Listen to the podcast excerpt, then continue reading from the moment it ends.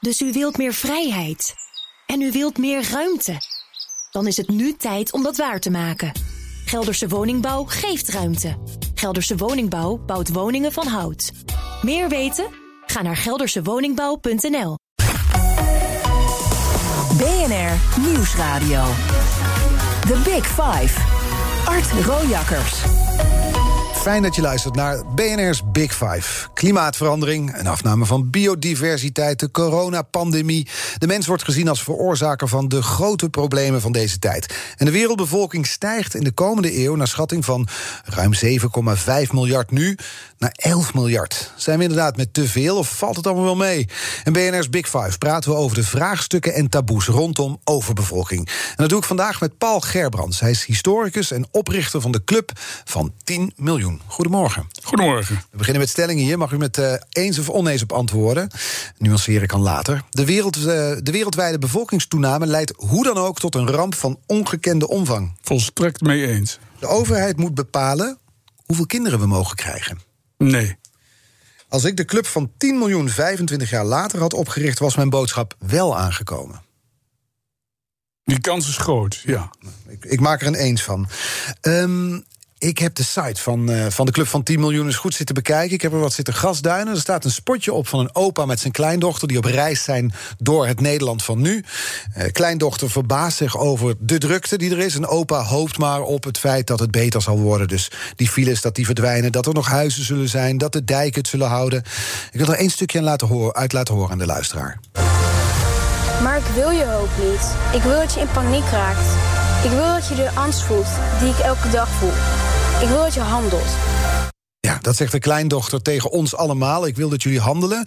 Er staat ook een teller op de website van de Club van 10 miljoen. Die tikt gestaag door richting de 8 miljard. Want daar zijn we nu toe onderweg nu. Dat is het aantal mensen straks op aarde. Wat gaat er eigenlijk door u heen als u naar die teller kijkt, vroeg ik me af. Nou ja, ik ben natuurlijk historicus. Dus ik bekijk het vanuit uh, de situatie achter mij. En dan zeg ik, uh, dan is het wel heel erg snel gegaan. En uh, de verdubbelingssnelheid van de wereldbevolking neemt toe, iedere keer weer. De ene keer duurt het 100 jaar voordat de wereldbevolking verdubbelt, en dan duurt het 40 jaar. En dat gaat in een razend tempo. En wat er dus nu op ons afkomt, ja, de mens is de meest schadelijke vreter die er is. Hij maakt alles kapot. Het is een enorme egoïst. De natuur ja, is er alleen om hem te behagen. Ik denk dat wij uh, recht op het ravijn afstevenen. Ja. Want voor hoeveel mensen is er plek op aarde volgens u? Nou, we hebben in de loop van de 25 jaar dat ik uh, voorzitter was van die stichting een inventarisatie gemaakt. En we hebben ingeschat, en dat is natuurlijk uh, een inschatting niet ja, het is geen natte vingerwerk, maar wij dachten 4 miljard. Dan kun je fatsoenlijk leven. Want u moet natuurlijk niet vergeten dat al die mensen die nu nog in een kartonnen doos wonen of in een houten barak, die willen straks ook een auto en die willen ook vliegen. En dat is volkomen terecht. En die willen een goede opleiding, enzovoorts, enzovoort. En als je dus 8 of 10 miljard mensen straks uh, al die luxe ziet hebben dan is de lucht vergeven van de vliegtuigen. En, en dan, dan is het normaal mensenleven niet meer mogelijk. Tenzij je dus alle natuurgebieden ombouwt tot, tot plaats waar de mens kan genieten en vertoeven. Ja, want ik, ik, las inderdaad ook op de site dat de aarde kan maar voor 4 miljard mensen een kwaliteit van leven bieden op het niveau van de Europese Unie, zoals we dat nu kennen. Ja, dat hebben ze denk ik van onze, onze site overgenomen. Twee waren de eerste die daarmee kwamen. Ja, en, met, en met 8 miljard mensen zal de welvaart per persoon dalen tot dat van een arme boer. Dat zijn al met bijna 8 miljard mensen, dacht ik. Toen. Ja, nou, als je dus allemaal gaat leven als een, zeg ik altijd, als een uh, Tibetaanse monnik met s'morgens een kopje thee en smiddags een, een beetje rijst. En je gaat niet op vakantie, ja, dan kunnen er misschien wel 20 miljard mensen leven. Ja, maar niemand wil dat. Iedereen, wat ik u net zei, iedere eenvoudige Indiër van nu wil straks ook een, een goede toekomst. Dus dat, dat inleveren, dat zie ik niet gebeuren als je, als je nu om je heen kijkt en je, en je ziet dat mensen voor één keer de prijscompensatie niet krijgen. Uh, of of geen, salon, geen salarisverhoging. Dan gaan ze staken. En wat doen de vakbonden? Die steunen dat. Dan ligt het hele land plat. Dan denk ik, ja, hoezo milieu?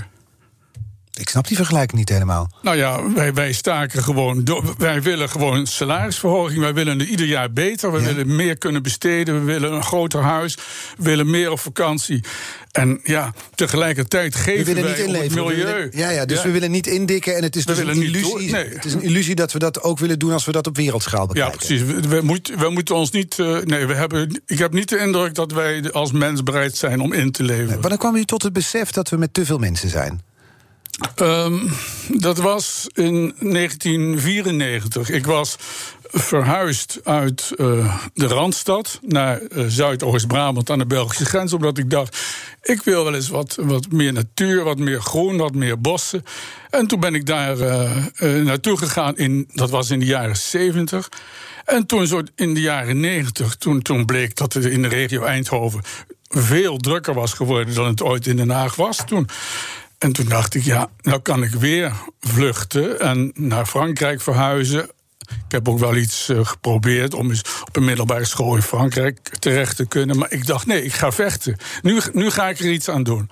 En toen ben ik dus met die stichting begonnen. Het begon met de persoonlijke ervaring. Mijn omgeving wordt te vol. Ja, En toen ging u dat uitbreiden op wereldschaal. Ja, het is niet een eh, gevolg van mijn eh, academische studie. Want tijdens mijn opleiding was het woord overbevolking een marginaal begrip. Dat kwam in China misschien voor. Ja. Maar dus de, die eigen ervaring van... hé, hey, ik ben vertrokken uit de Randstad vanwege de drukte. Zuidoost-Brabant wordt net zo druk. Dan kan ik wel weer verder gaan, Ja. op zoek naar meer rust. Maar ja, op wereldschaal blijven maar doorgroeien. En dat zie je nu ook weer gebeuren. En Op dit moment zie je dus dat, dat heel veel mensen uit de Randstad, die ook steeds voller wordt, eh, vertrekken. De, de rijkeren die, gaan, die groeperen zich rond de Veluwe. Die wonen daar in bungalow, mooie vrijstaande huizen. De mensen van de middenklasse die gaan naar Drenthe. En nou, als je dan hoort zeggen dat er een miljoen huizen moet worden gebouwd, dan denk ik dat het niet verstandig is om die in Noord-Holland neer te zetten. Want dat ligt voor een groot deel eh, onder de zeespiegel. Dus een beetje verstandig mens gaat dan naar Drenthe. En ik denk dat daar de komende 15 jaar ook steden van zo'n 100 tot 200.000 huizen zullen. Eh, zo inwoners eh, zullen verrijzen. En dat daar vliegvelden komen en vierbaanswegen. En eh, ja, dan wordt Drenthe, wat ooit toch een mooie provincie was, dat wordt dan één grote picknick. Ja, dat wordt net zo vol als het nu misschien in Zuidoost-Brabant is. Ja, u strijdt al decennia tegen overvolking. Want toen u dacht, ik ga niet meer vluchten, ik ga vechten... werd de club van 10 miljoen opgericht. Daarmee wordt aandacht gevraagd voor de boodschap... het aantal mensen op aarde moet worden teruggedrongen... en maximaal 10 miljoen mensen hier in Nederland. Jullie hebben op een heleboel manieren geprobeerd... jullie boodschap te verspreiden. Ja, ik heb eh, heel wat politici gesproken. Ik heb eh, legio hoogleraren ontmoet. Eh, ik heb er tientallen in mijn stichting actief gezien. In de, in de adviesraad, in het bestuur, maar ook in, de, in de werkgroepen daaromheen. Wat heeft het opgeleverd? Heel veel deskundigheid. Heel veel, heel veel eh, support. Maar het probleem was eigenlijk altijd dat het alleen maar hoogleraren waren die met emeritaat waren. En als je dan een hoogleraar benaderde die nog in functie was, dan was het antwoord stevast: ja, maar dan krijg ik gedonder met mijn universiteit. Dat kan niet Omdat het een taboe is. omdat het een taboe En dat was dus ook met de politici. Ik heb er heel veel gesproken. Ik heb eh, gecorrespondeerd met, eh, met Van Acht, met Van der Stoel. Die heb ik ontmoet. Ik heb met Fortuyn gepraat. Ik heb met Kamerleden van. van van alle partijen heb ik eh, Kamerleden gesproken. Sommigen wilden mij niet eens ontmoeten. Maar er waren er ook bij die zeiden van... nou, voor Meneer, u heeft een punt, u heeft groot gelijk. Het is, maar, maar het probleem was, als je er een camera bij hield... of een, een microfoon onder hun neus duwde... dan was het ineens van, ja, ja mijn partij heeft, heeft nog geen standpunt... en dit en dat. Het mooiste voorbeeld, dat vond ik eh, van, eh, van, van Max van der Stoel. Die, die was bij een van die hoogleraren... met wie ik goed bevriend ben geraakt. Een keer op bezoek toen ik er was. Dat waren clubgenoten. Ja. En eh, nou, Max die was het er helemaal mee eens. Van ja, geweldig, ontzettend goed initiatief. Overbevolking, dat is verschrikkelijk. En daar moeten we iets aan doen. En in die tijd had ik net mijn eerste boek geschreven. Dat was nog een manuscript. Mijn land van veel en vol. Vol met cijfertjes.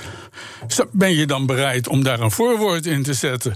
Oei, ja, toen zag je, uh, toen, toen, werd het al wat problematisch. Ja, dus toen belde hij me later op van ja, uh, dan, uh, mijn partij zal dat niet accepteren. Toen dacht ik, ja man, als je ballen hebt, dan doe je het wel. Ja, maar dus in het, in het, openbaar vond u bij de ja. politiek weinig weerklank. de hoogleraren die durfden zich alleen uitspreken als ze al teruggetreden waren, als met emeritaat waren. U zelf dacht u op een gegeven moment, nou we, gaan het, we moeten het ook van donateurs hebben. En bij de oprichting u verwacht, begreep ik, al snel 100.000 donateurs te hebben. Teller bleef steken op 3000. Ja, ik, ik hoopte, ik had natuurlijk gedacht, nou, dit is zo'n hot item. Dit is zo ontzettend belangrijk.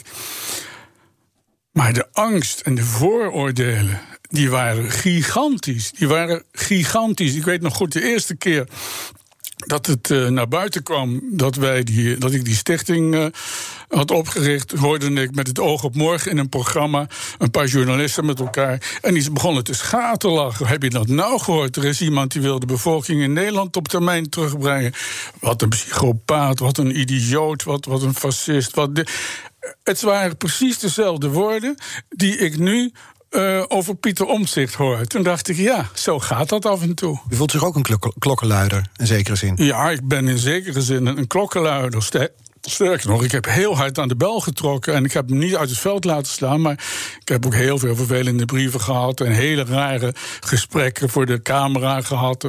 Waarbij je echt zwart gemaakt werd waar je bij zat. Het is onvoorstelbaar. En dat komt allemaal omdat het een taboe is, zegt, zegt u ook? Of kan het, zou het ook zo kunnen zijn dat andere mensen zich er misschien gewoon minder druk om maken dan u doet? Nee, uh, heel veel mensen maken er zich niet druk om. Die, die kijken niet verder dan hun neus lang is. Dat geloof ik. En dat neem ik ze ook niet kwalijk. Want ja, uh, niet iedereen uh, heeft nou eenmaal de, de, de, de gave om om zich heen te kijken. Heel veel mensen hebben al moeite genoeg om een dagelijkse boterham op tafel te krijgen. Dus, en dat is nou eenmaal zo. Maar de mensen die het wel zouden moeten weten en het hadden kunnen weten, dat waren de mensen die, die wegkeken, die voor hun eigen hachie kozen. En Soms ging dat heel ver. Ik heb één keer in het buitenhof gezeten bij Paul Witteman. En daar zat uh, uh, Meili Vos tegenover mij van de Partij van de Arbeid. Zij is nu fractievoorzitter, geloof ik, in de Eerste Kamer. En op een goed moment boog ze zich naar voren en vouwde haar handen om haar mond. En toen de camera niet op haar en ook niet op mij was gericht, zei ze: Je bent een vuile racist. Midden in de uitzending. Ik heb het vermoeden dat Paul Witteman het heeft gehoord. Ik heb het hem nooit gevraagd. Maar voor mij was het programma op dat moment afgelopen. Ja, en dat zegt iets over de, de, de weerstand die het ja, oproept. Want, het, want u, ja. uw club heeft ja. het ook over een immigratiestop. En da, da, daar heeft dit natuurlijk mee te maken. Voordat we daar naartoe gaan en voordat we het ook inhoudelijk hebben over wat nu het probleem is van die enorme toename, bevolkingstoename. Wil ik nog heel even over die politiek spreken? Want uh, u heeft ook overwogen zelf een partij op te richten. De Partij tegen ja. Overbevolking. Ja. Dat is nooit iets geworden. Nee, ik, uh, ik had al vrij snel door dat ik daar zoveel tegenwerking kon verwachten. Uh, dat dit helemaal geen enkele zin had om dat door te zetten. En toen dacht ik. Uh, dat moet ik niet doen, dan moet ik stoppen. Niet dat ik ergens bang voor was, maar ik dacht, dit wordt een leidensweg. Ja. En je ziet dat trouwens in het algemeen. Hè, toen D66 begon, was de Partij van de Arbeid de, de, ja, degene die roept. Dat is helemaal niet nodig. Nee, maar die leidensweg zijn dat toch? Snap ik, maar die leidensweg is het sowieso geworden. Want uw boodschap vond geen weerklank in het openbaar. U werd uitgemaakt voor racist. Politiek gezien vond u geen weerklank. Dus het is sowieso een leidensweg geweest. Het is een leidensweg geweest. En ik heb me ook heel vraag, uh, vaak afgevraagd... waar ben ik nou toch mee bezig? Maar ik, ik zag het om me heen en ik zie het nog steeds aan mij. Dacht ik, zijn die mensen nou allemaal stekenblind? Maar het is mij duidelijk geworden dat dat pure angst is. Ik zal het geen lafheid noemen, maar het is pure angst van politici om uit te komen voor hun mening, uit angst daarop te worden afgerekend. Ja. The Big Five. Art Rojakkers. Deze week vijf kopstukken over overbevolking. Vandaag de gast Paul Gerbrands, historicus en oprichter van de Club van 10 miljoen. Een man die zich al nou, een kwart eeuw inzet tegen die bevolkingsgroei, tegen die overbevolking... en daar een eenzame strijd ook tegen voerde. Hoeveel kinderen heeft u zelf eigenlijk? Ik heb zelf drie kinderen. Ja. Die zijn geboren in de jaren 70, begin 80... En ja, toen was ik me nog helemaal niet bewust van dit uh, probleem. En er zijn wel eens mensen die hebben gezegd: Nou, dan had je je mond moeten houden. Maar toen dacht ik: Ja, eens een dief, altijd een dief. Uh, uh, Nee, nee, ik dacht... Voortschrijdend inzicht heet het ja, volgens dat mij. mag je zo noemen. ja. Had u in deze tijd nog kinderen gekregen? Minder, ja. Ja, en ik denk, als je kijkt naar de gemiddelde, eh, gemiddelde cijfer bij de Nederlandse vrouw, pak een beetje 1,6. Dan, eh, dan zeg ik, nou, dat is een signaal ook. Hè? Als, de, als, de gemiddelde, als de Nederlandse vrouw zegt eh 1,6 kinderen gemiddeld is genoeg. En dat besluit samen met haar man. eh, dan is dat ook een signaal aan de overheid. Van wij willen het graag kleiner houden. Maar dan heeft u twee keer zoveel kinderen gekregen als gemiddelde. Denkt u dat Ja. u dat ongeloofwaardig gemaakt? Nou ja. Dat is niet aan mij, dat is aan de anderen. En die vonden eigenlijk al dat ik ongeloofwaardig was. nog voordat ik een woord had gezegd. Dus Vanwege het thema zelf bedoelt u? vanwege het thema zelf. ja. Want, want als we daar eens naar kijken. De aarde kan volgens u dus maximaal 4 miljard mensen aan. Eh, toch groeit de bevolking deze eeuw, de wereldbevolking, naar verwachting door naar ongeveer 11 miljard. Wat is nou het grootste probleem van overbevolking in uw ogen? Ehm, ja, het, het grootste probleem van overbevolking eh, is in de, het eerste, in de eerste plaats. De mensen zijn er niet van gediend dat je je gaat bemoeien met hun seksualiteit. Als jij tegen iemand zegt, je zou maar één of twee kinderen moeten hebben, dan gaan de stekels omhoog, van dat bepaal ik zelf wel. En als ik 16 kinderen wil, dan vraag ik kinderbijslag aan voor 16 kinderen. En daar heb jij je niet mee te bemoeien. En dat is ook de grote angst van de, van de politiek. Die willen daar niet intreden. Tegelijkertijd zien we wel dat we eh, de mens alle mogelijke beperkingen opleggen. In die zin van ja, 80 door een, eh, door een stadscentrum rijden. Ja, dat vinden we niet meer zo leuk. Hebben we borden voor. 30, 40, 50. En daar houden we ons aan. Eh, Tot dat inzicht zijn we gekomen. En dan denk ik van ja, tot dat inzicht van eh, minder kinderen zouden we ook moeten komen. Want we, we hadden het eh, in die eerste minuten van dit uur kort over wat het probleem is van het feit dat er gebeurt als er zoveel mensen bij komen. Iedereen wil, en, en, nou ja, wil zo welvarend zijn als hier in de Europese Unie. Dat was eigenlijk de stelling van u. Ja. Dus ja, we gaan niet indikken, dus we, we verbruiken de aarde. Ja, ik zei het al, een mens is een zeer, zeer schadelijke vreter. Die eh, maakt alles kapot. En als je nu kijkt naar de, naar de situatie van, van, de, van de landbouw, de veeteelt en het milieu in Nederland. dan zien we dat, dat, dat de, eh, ja, de veeteelt eigenlijk de hele zaak kapot maakt. Want wat doen wij? Wij eten met z'n allen vlees. En dat is op zich niet erg. Maar we eten vervuild vlees. En dat vlees dat, eh, wordt veroorzaakt, eh, wordt opgebracht door koeien. die in, in stallen staan en in, in, in, koeienflats. En driekwart van dat vlees gaat bovendien nog eens van die kleine stukje grond naar de rest van de wereld. Alsof het zo nodig is dat wij de rest van de wereld van vlees moeten voorzien. En dan eh, schilderen wij ons in de hoek eigenlijk. Ja, maar toch even, want die stelling in het begin was... de wereldwijde bevolkingstoename leidt hoe dan ook tot een ramp van ongekende omvang. Ja. Schets die ramp eens.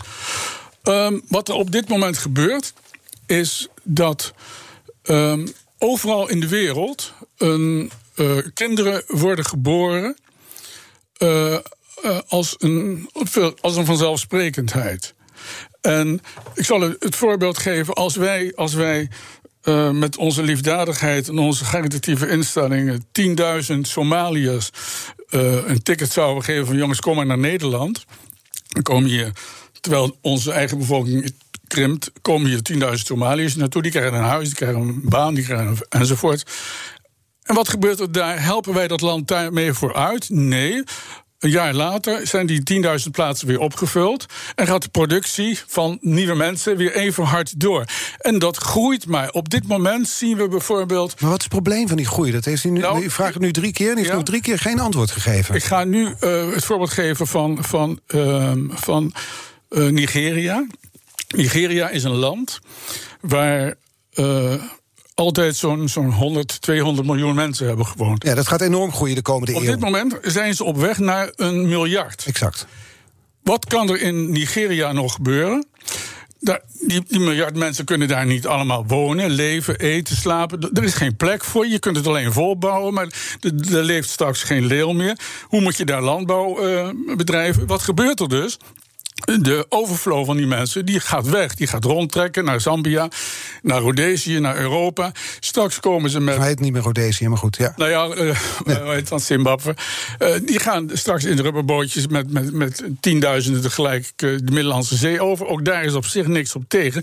Maar de, het, het, het, blijft maar groeien. Het zwelt overal aan. Het is niet alleen Nigeria, het is China, het is India, het is Bangladesh. Ja, maar dat laatste klopt alleen niet. Want uit de cijfers van de Verenigde Naties blijkt dat in Afrika de bevolkingstoename inderdaad de komende eeuw zal plaatsvinden, maar dat in alle andere continenten de bevolking krimpt. Ik geloof helemaal niets van die cijfers. Ik zal u een voorbeeld geven. Zal ik dicht bij huis blijven en beginnen met het Centraal Planningbureau en het Bureau voor de Statistiek. Ja? Die hebben al decennia geroepen. Mensen, maak je niet al te druk. Het blijft op 14 miljoen steken in Nederland. En dan werd het 14,5. God, het werd 14,5. En dan werd het 15. En dan werd het 15. Nou, boven de 16 komen we niet uit. En dan werd het 16. En dan gaan we richting 17. Ja, 17, nou, dat zullen we nooit halen. En nu is er weer een rapport van het NIDI.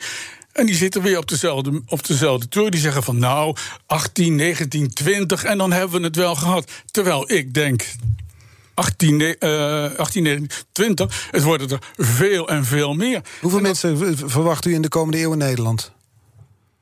In de komende eeuw denk ik dat we de 15 à 20 miljoen wel halen. Want wat ik u net schets. Maar we zijn nu met 17 miljoen. We zijn, uh, we zijn nu met 17 miljoen, begin bij 20 en dan zullen we doorgaan naar 25, 30. En waar is dat op gebaseerd? Op die enorme uh, migratie in de wereld. Er zijn nu 80 miljoen mensen aan het zwerven. Er zijn iets van 120 miljoen mensen die in diepe armoede en hongersnood leven. Het geboortecijfer neemt hier en daar af. In Italië, in Duitsland, in Nederland. Maar in de rest van de wereld neemt die toe. En al die verhalen. Nee, dus het komt, wij gaan groeien door migratie. Want we ja. krimpen Nederland omdat we nog maar 1,6 kind krijgen gemiddeld. Ja, ja dus het feit dat er in andere landen mensen bijkomen, die gaan volgens u eh, migreren, die komen wel deze kant op. Heel begrijpelijk overigens, hè?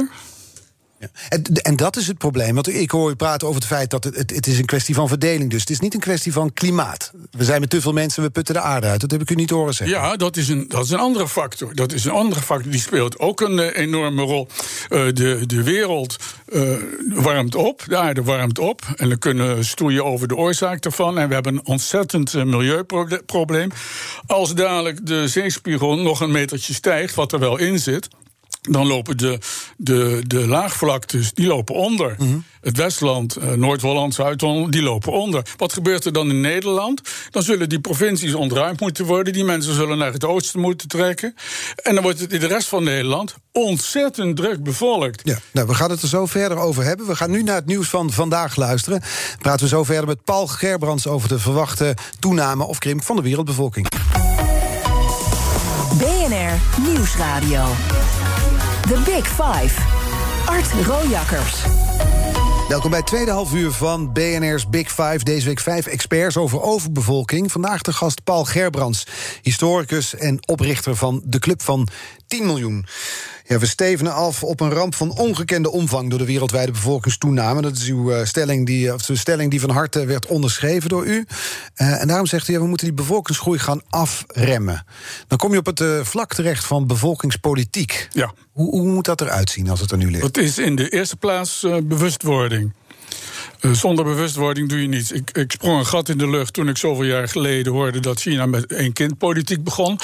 Toen dacht ik, nou, die hebben in ieder geval de lef om het probleem uh, te onderkennen en er iets mee te doen. Maar de dictatoriale manier waarop dat daar ging, ja, dat uh, voorspelde niet van goeds en dat is ook gebleken. Wat ik, wat mij, wat ik voorsta, dat is een, een parlementaire discussie op basis van een heel breed draagvlak. Waarbij gestreefd wordt naar bewustwording. En wat ik u Geen dwang. Waarvan? Geen dwang. Geen dwang, nee, nee, absoluut niet. Wel stimuleren van het zorgen voor minder kinderen? Ja, je kunt dat stimuleren. Je kunt dat uh, doen via een beloningssysteem van de belasting. Waarom zou je mensen die uh, getrouwd zijn en kinderen willen, waarom zou je die fiscaal bevoordelen boven iemand die vrijgezel wil blijven? Om maar een voorbeeld te noemen.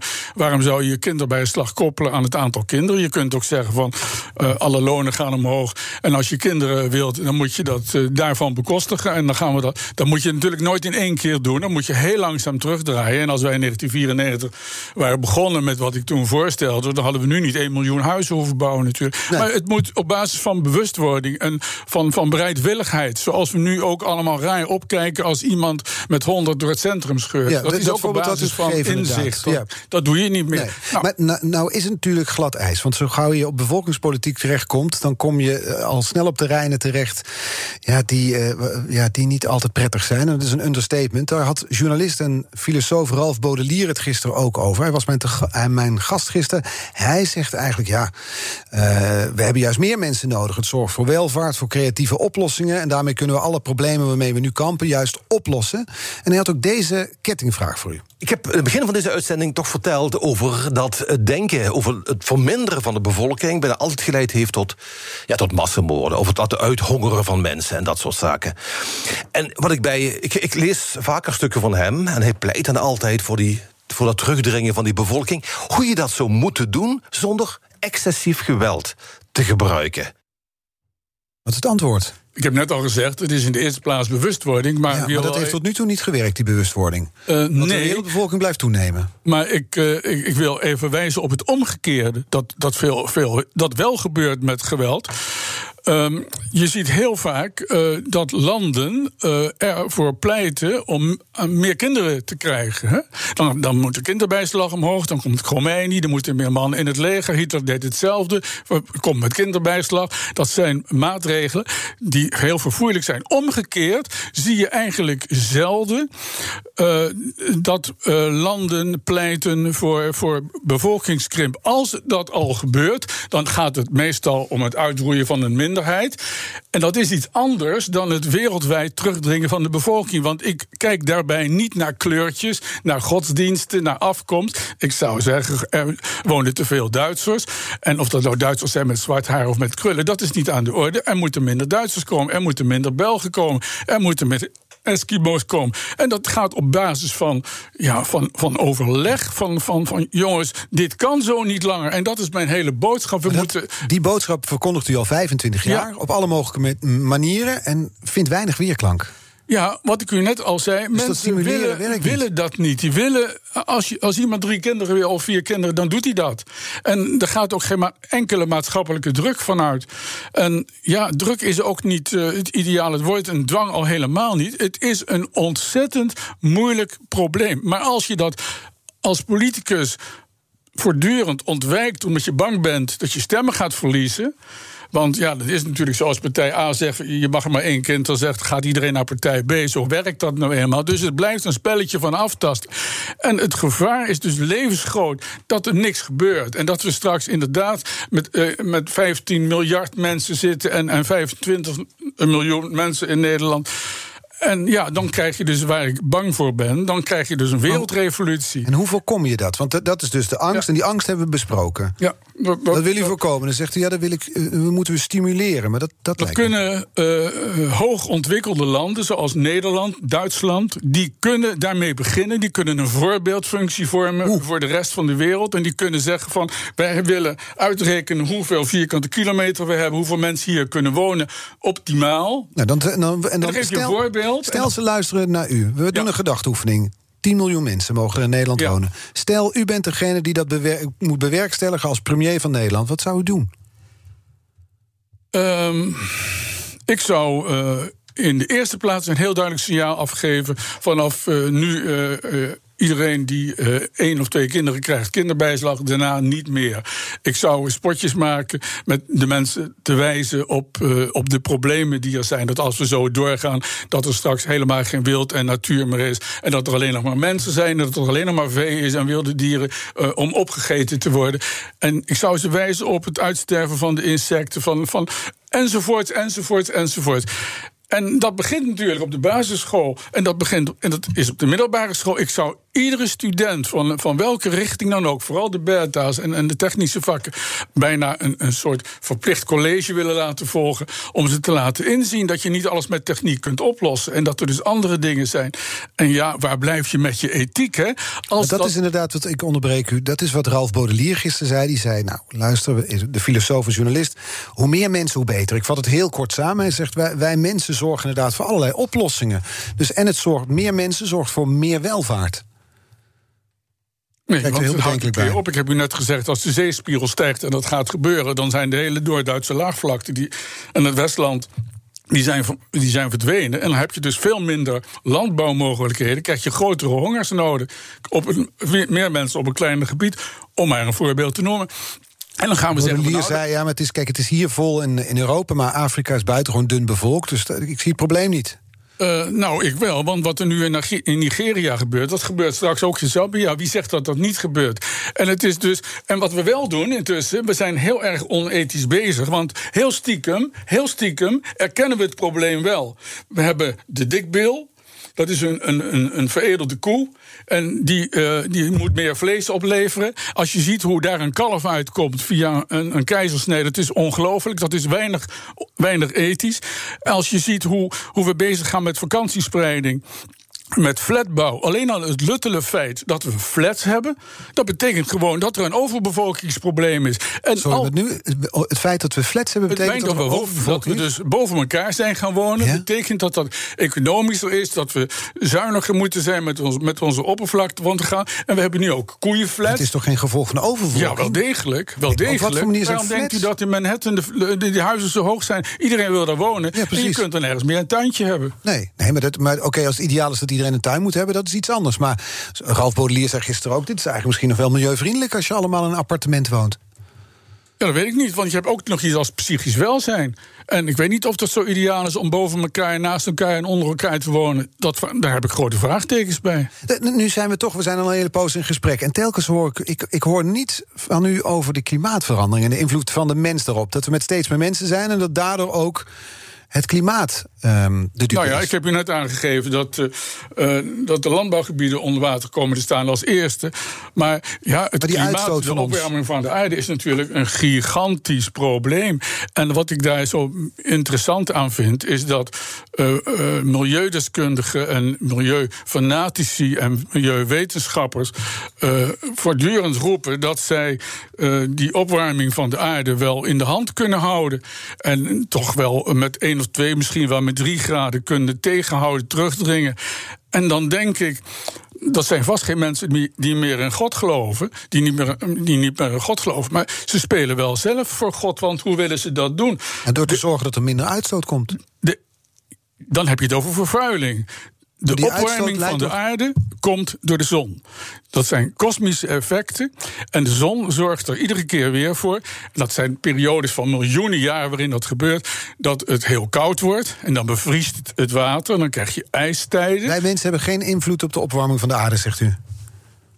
Ja, we hebben wel invloed op de opwarming van de aarde. En als wij de, de opwarming van de aarde willen terugdringen, dan zal dat misschien met 1 of 2 procent gebeuren. Maar de zon gaat zijn eigen gang. Daar hebben wij totaal geen invloed op. En wat ik nou zo gek dus de vind. afspraken in Parijs die gemaakt zijn over de uitstoot om die te verminderen, dat is eigenlijk. dat is leuk. Dat is vervuiling. De vuile lucht, de, de smerige stank, dat is de vervuiling. En die zal ook wel bijdragen tot de opwarming van de aarde. Maar de essentie van de opwarming van de aarde komt van buitenaards.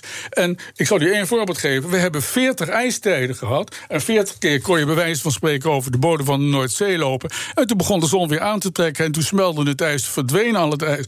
En ja, dan liep alles weer onder water. en dat gebeurde iedere keer terwijl er nog geen mens was. Nee, dat, zal allemaal best, dat zal allemaal best. Maar inmiddels is volgens mij zijn bijna alle wetenschappers er toch wel van overtuigd dat wij invloed hebben op de opwarming van de aarde. Het verbaast me dat iemand die zich druk maakt om bevolkingsgroei, om overbevolking, ja. juist dat element onvermeld laat. Dus niet zegt van ja, het feit dat er meer mensen zijn leidt tot meer uitstoot, leidt tot klimaatopwarming. Ja, dat is vervuiling. Maar meer zegt mensen, nee, dat is niet zo. Meer mensen leidt tot meer vervuiling. En het milieu is het ergste wat, wat er nu op de wereld aan, aan de gang is. Dat moet terug, worden teruggedrongen. Al dat plastic, al die CO2, al die vervuiling.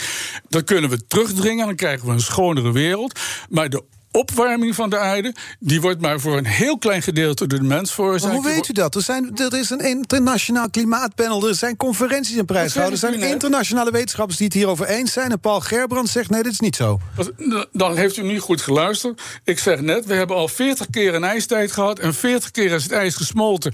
En toen bestond. En toen... Maar dat betekent toch niet dat nu mensen geen invloed hebben op de opwarming van de aarde? Onzin. Als, als het 40 keer. Maar hoe, gebeurt... hoe kunt u zeggen dat het onzin is, terwijl er dus internationaal gezien wetenschappers het daar unaniem over eens lijken te zijn? Nou ja, dat is al zo vaak gebeurd. Zij Toen- hebben het toen- allemaal verkeerd. Toen Darwin vertelde dat de mens van de aap afstamde, waren de heersende, de heersende elite, de, de, Ja, de dus de wetenschappers Darwin van deze nee, tijd. de wetenschappers van toen, die verketterden hem, die, die man is helemaal gek. En dat zullen ze nu van mij ook wel zeggen, die man is helemaal gek. En dat is met Spinoza gebeurd, dat is met Copernicus gebeurd. het is een mooi rijtje waar die u in staat. wetenschappers dood. En wat blijkt, Copernicus had gelijk, Galilei had gelijk, Spinoza had gelijk, Darwin had gelijk. En zo zal het ook met Paul Gerbrand Dat weet ik niet. Ik ben maar een kleine jongen. Maar ik, als ik zeg, 40 keer is er een ijstijd geweest... dat punt en is het ijs gesmolten... terwijl er nog geen mens, geen kampvuurtje, geen CO2, geen Nee, auto nee, was. helder, maar dat punt is gemaakt. Ik, eh, we, we spreken zo verder. Dan spreken we ook verder over hoe het dan moet als er bijvoorbeeld een arbeid, eh, sorry, een bevolkingskrimp is, zoals er nu in ons eh, land dreigt te komen. Dankjewel, Iwan. BNR Nieuwsradio. The Big Five. Je luistert naar BNR's Big Five van de overbevolking... met vandaag de gast Paul Gerbrands, historicus en oprichter van de Club van 10 miljoen. Zet zich al een kwart eeuw in in de strijd tegen overbevolking. Ehm, we hadden het al over die cijfers waarvan u zei, die wantrouw ik. Maar toch, het lijkt zo te zijn dat de bevolking hier in Nederland krimpt. 1,6 kinderen krijgen we hier gemiddeld in Nederland, we, vrouwen in Nederland. Eh, en daarmee hebben we een ander probleem, de vergrijzing. Dat heeft grote gevolgen voor de arbeidsmarkt, het pensioensysteem, de zorg. Dus je zou ook kunnen zeggen dat een afnemende bevolking niet alleen maar voordelen heeft. Ehm, er is sprake van vergrijzing. En dan zou ik zeggen, spring op die rijdende trein. Dat krijgen we aangereikt. Er is een golf van mensen, een grote groep mensen die straks eh, overlijdt.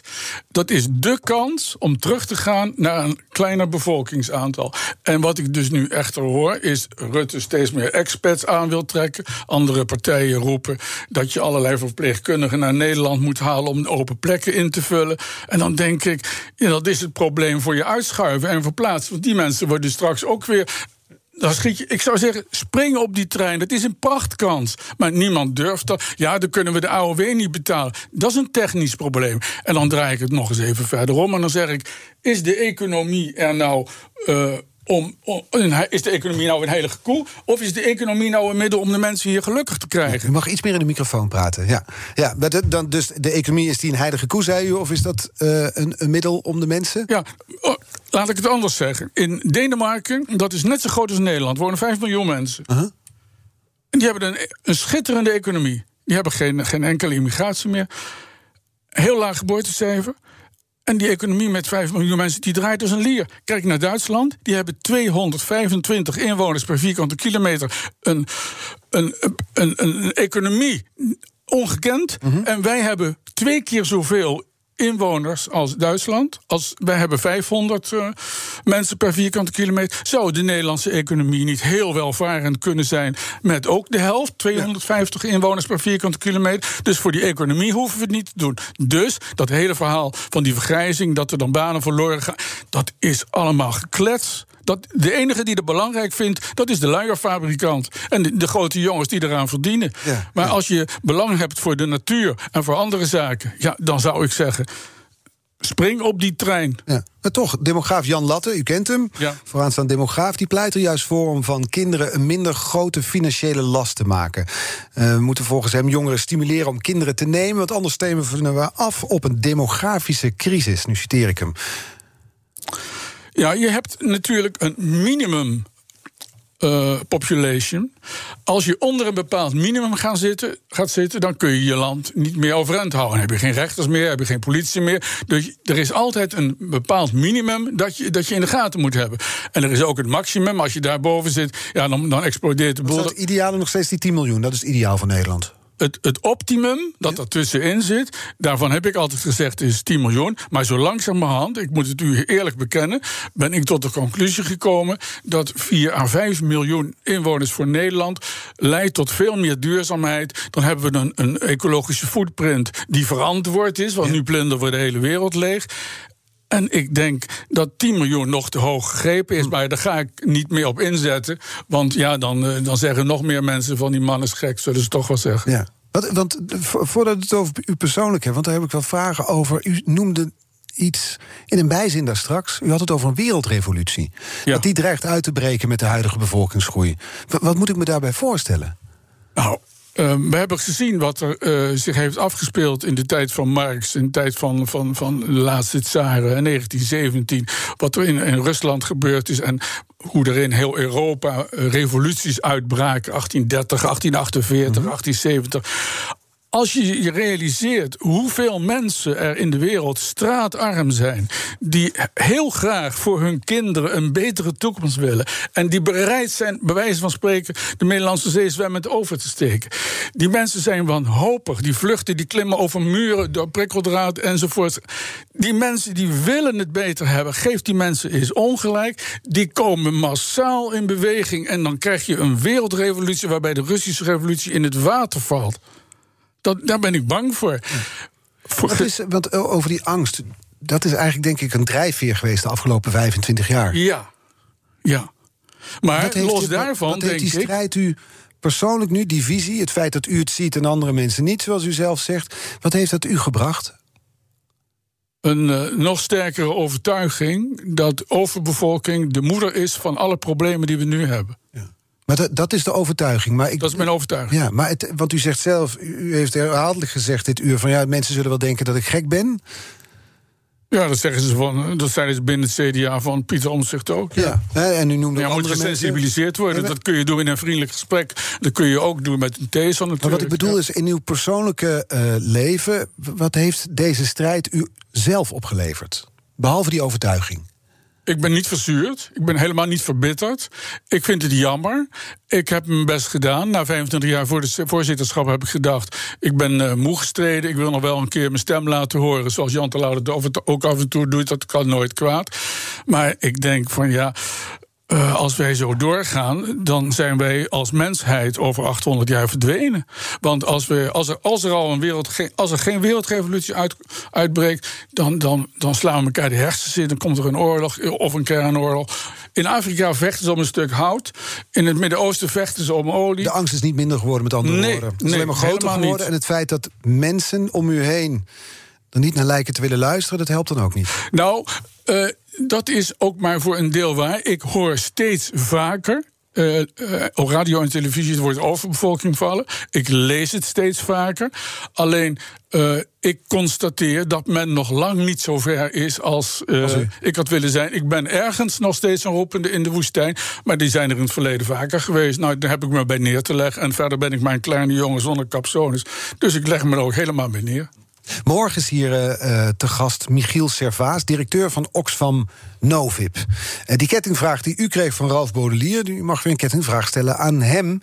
Wat zou u van Michiel Servaas van Oxfam Novib willen weten? Ja, ik denk dat hij en zijn organisatie zich inzetten voor de voor de emancipatie van de vrouw, voor de onafhankelijkheid van de vrouw in de wereld. Um, nou heb ik begrepen dat de Franse regering tien jaar geleden de kinderbijslag heeft verdubbeld, omdat de Franse regering vond dat het aantal Fransen schrikbarend achterbleef bij het aantal Duitsers. Ik vond dit een zeer vreemde argumentatie om de kinderbijslag te verhogen. Ik zou hem willen vragen: hoe kijkt hij überhaupt aan tegen kinderbijslag? Oké, okay, ik ga het hem morgen voorleggen. Heeft u de kleinkinderen? Hoeveel? Zes. Dat zijn veel, hè? Van drie, dat is ieder twee. Ja, dat mag ja, dan net. valt nog mee, hè? ja. In het gebied waar ik nu woon was 16 kinderen heel gebruikelijk. Oh, geniet van die kleinkinderen, ja, zou ik ook willen zeggen. En dank voor de komst, Paul Gerbrands, historicus en oprichter van de Club van 10 miljoen. Uh, morgen zijn we dus weer, dan met Michiel Servaas en nu op deze zender Ivan Verrips met BNR Breekt. Tot morgen. Dus u wilt meer vrijheid en u wilt meer ruimte. Dan is het nu tijd om dat waar te maken. Gelderse Woningbouw geeft ruimte. Gelderse Woningbouw bouwt woningen van hout. Meer weten? Ga naar geldersewoningbouw.nl.